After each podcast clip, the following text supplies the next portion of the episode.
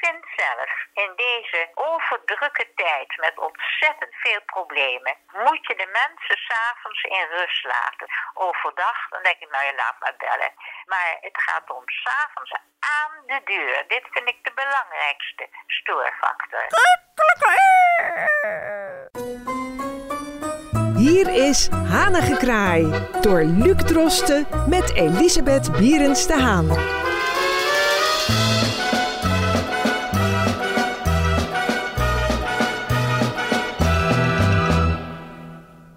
Hartelijk welkom hier op Amsterdam FM bij Hanengekraai. En we gaan het vandaag hebben over een thema, mevrouw Bierens de Haan, eh, waar u het eh, als ervaringsdeskundige over wilde hebben. En dat is het thema storen. En dan vraag ik toch maar even als openingsvraag, stoor ik u op dit moment?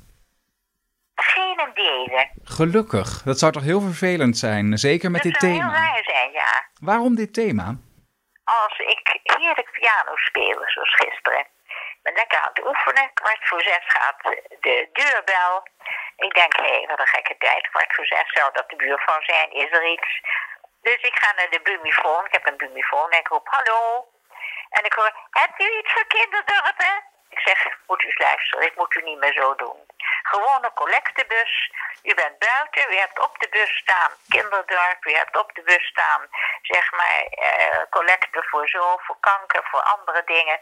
Dat is prima, zo deden we dat vroeger, maar je moet mensen die een hele dag bezig zijn geweest. En wat hebben de mensen niet allemaal te doen? Dat is heel irritant als je bezig bent in een mooi muziekstuk van Chopin. En dan gaat de bel. Ik zeg vooral Chopin omdat je beslist niet kan gestoord worden. Dat kan helemaal niet. En dat gebeurt. En dan is je hele flow van spelen weg. Eh, De notaris komt van zijn werk, is doodop. En de bel gaat. Hé, wat zou dat zijn? Hij zit net aan zijn lekkere borreltje om een beetje bij te komen. Dit mag en kan niet. En dan heb je de afdeling Essent, elektriciteitsbedrijven, die bellen aan de deur, wilt u dit of wilt u dat. Aan de deur hadden wij vroeger, in de oorlog hadden we bordjes aan de deur, wordt niet verkocht en niet gekocht. Ik vind zelf in deze overdrukke tijd met ontzettend veel problemen, moet je de mensen s'avonds in rust laten. Vooral s'avonds. Overdag, dan denk ik, nou je laat maar bellen. Maar het gaat om s'avonds aan de deur. Dit vind ik de belangrijkste stoorfactor. Ja. Dat je mensen niet dwingt om open te doen, dwingt om te luisteren. Ik vind dit een hele slechte zaak en dat moet veranderen. Ja, dus het is feitelijk het opeisen van tijd, eh, het claimen van tijd, op het moment dat mensen eigenlijk eh, daar het minst op zitten te wachten. Dat is een dwingende, akelige manier om mensen eh, te vertellen wat zij graag willen. En dan vind ik het ergste nog dat ze wegwandelen. Want ze bellen in een seconde op vijf deuren. Dan gaan er vijf deuren open. En dan sta jij daar door je bumifoon te gillen. En je krijgt geen antwoord. Ik vind het heel slecht. Ja. En ik, ik zeg op een hele lieve, aardige manier, dat moet je niet meer doen. Na half zes vind ik fout. Ja, oké, dat, dat is in ieder geval heel duidelijk. Dus overdag is dan minder een probleem en s'avonds zou Dat het... is minder een probleem, want dan zijn we toch busy en dan, eh, komt de scharensliep en een mattenklopperman, weet ik veel wat er allemaal komt. Dan kan dit er ook nog wat bij. Ja. S'avonds is een soort Shabbat in de week. Ja, nu bent u Een sowieso iemand die heel erg volgens een bepaald patroon, een bepaald ritme leeft. Kan je lachen, wacht even. Ja, ik, ik, ik luister erg graag met u mee. Nou. Ondertussen gaan wij dus even in spanning afwachten wie er bij mevrouw Bierenstaan aan de deur staat. En of wij ook getuigen kunnen zijn van een eh, behoorlijk eh oplawaai. Nee, dit is schattig. Zijn leerling die komt een cadeautje brengen. En dat is erg leuk dat je af en toe hele leuke cadeautjes krijgt. En dat vind ik zeer te appreciëren. En vandaag kreeg ik een groot stuk taart. Kijk, dat kan je mee plezier, mee plezieren. Maar wat ik er net vertelde, eh, Luc, dat moet, dat moet gewoon veranderen. Ja, precies. Nou ja, dat is een duidelijke oproep eh, in ieder Ja. geval. Eh, maakt u dan ook nog verschil tussen verschillende organisaties? Is er een organisatie? Nee, dus er is, er is geen enkele organisatie waarvan u zegt, nou voor die organisatie maak ik een Nee, uitzondering. maar nee, nee, nee. Ik vind, eh, gaat dat na half zes stil. En dan gaat de rust in. Ja. En dan moeten kinderen niet gaan gillen en schreeuwen en met pannen gaan gooien. Dan moet de rust intreden. Ja. Is het dan niet gewoon een goede oplossing om net als met een nee-nee-sticker op de brievenbus ook een nee, nee, nee, nee. ja of nee-sticker op de deur te krijgen? gewoon van hoger af moet gewoon een verordening komen. Dat, of ze moeten het gewoon niet doen. Zeg maar een organisatie als SN. Nou, en je wil klanten werven, dan doe je dat op een hele andere manier. Dan ga je dat via internet doen of via de televisie. Ze kunnen het huis wel betalen. Een goede reclame. Kom bij Ascent en wij zijn goedkoper. En we hebben korting. Kijk, dan kan je ook duidelijker vertellen wat je wil aan dat kinderdorp. Vroeger hadden wij eh bio-vakantieoord. Nou, en dan gingen we in de bioscoop, dan gingen we nog naar de film. Er kwam er zo'n bus langs. Bio, ons bio-vakantieoord. Kijk, en dan gaven de mensen in zo'n visnet gaven ze geld.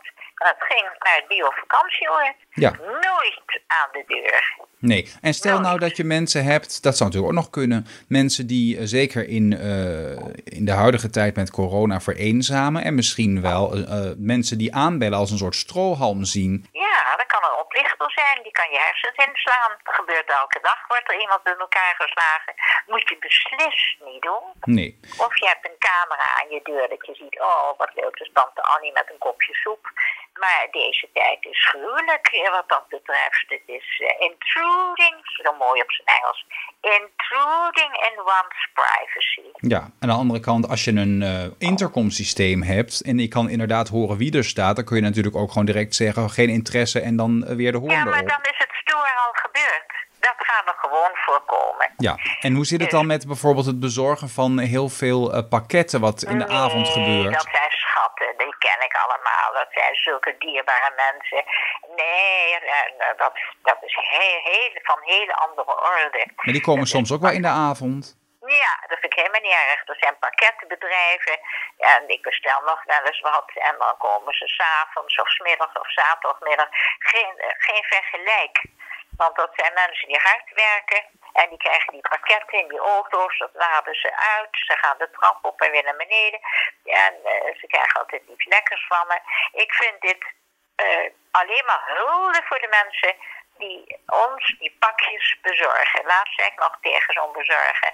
Dat was een, een man uit Colombia. Ik zeg, goh, wat doet u toch mooi werk. Prachtig hoor. Prima. Minder studeren, meer werken. Hij reuze lachen. Ja. En kijk, daar gaat het niet om. Het gaat erom wat ik vertel. Ja, maar als eh, de, de pakketjesbezorger aanbelt, dan bent u toch net zozeer gestoord in uw Chopin bijvoorbeeld? Nee, want dan belt hij aan en dan roept hij meteen post. Nou, en dan voor de god, ik weet niet eens meer wat ik heb besteld. Het is alweer een tijd geleden. En dan ben ik blij, dat vind ik leuk.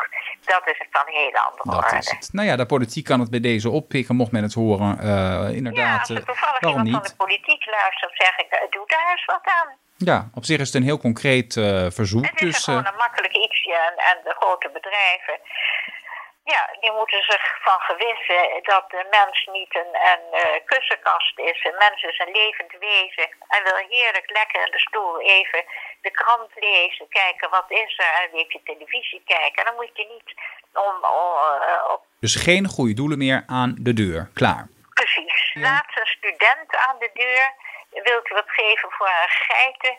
Weet ik veel. En een, een geitenopvang. Kijk eens. Ik zeg, jongen. Je moet eens beseffen. Hoe vervelend is dat je nou daar staat met je geiten. Ik geef gewoon allerlei aan doelen. Dierendoelen vooral. Want ik ben gek op dieren. En die krijgen allemaal de olifanten, de neushoorn en de geiten. Dan sta jij daar beneden te zeuren over geiten. Wat krijgt u je toch bijzondere mensen aan de deur? Ik krijg nooit mensen aan mijn deur over geiten. Ja, daarvoor moet je in Amsterdam-Zuid wonen. Dat zou heel goed kunnen, ja, inderdaad. Nou ja, eh, is een hartelijk hele dank. rare buurt. Er gebeuren hele gekke dingen. Nou ja, dat Ja. kan ook als positief worden gezien. Wilt u wat meemaken aan de deur? Wat Ga in Amsterdam-Zuid wonen. wonen. Precies. meest krankzinnige dingen maak je hier mee. Ja, nou, eh, hartelijk dank mevrouw Bierenstaan weer voor uw toelichting. En ik hoop dat u eh, niet meer eh, zoveel gestoord zult worden door eh, de genoemde partijen. Nou, ik denk, eh frappé fort, frappé toujours. Als Zo je er nou maar lang over doorzadelt, heb je kans dat dit euvel verholpen wordt. De podcast is in ieder geval tot in lengte van jaren terug te luisteren. Dus uh, het zal de kans alleen maar vergroten. Mevrouw Bieres de Haan, dank u wel. Dan hoor ik nog even ben klaar Ja. ja. Nou, ik zou zeggen tot volgende week weer. En een fijne week. Ja, tot dan. Wilt u reageren? Mail naar hanigekraai.amsterdammefm.nl en uw bericht komt terecht bij mevrouw Bierens de Haan.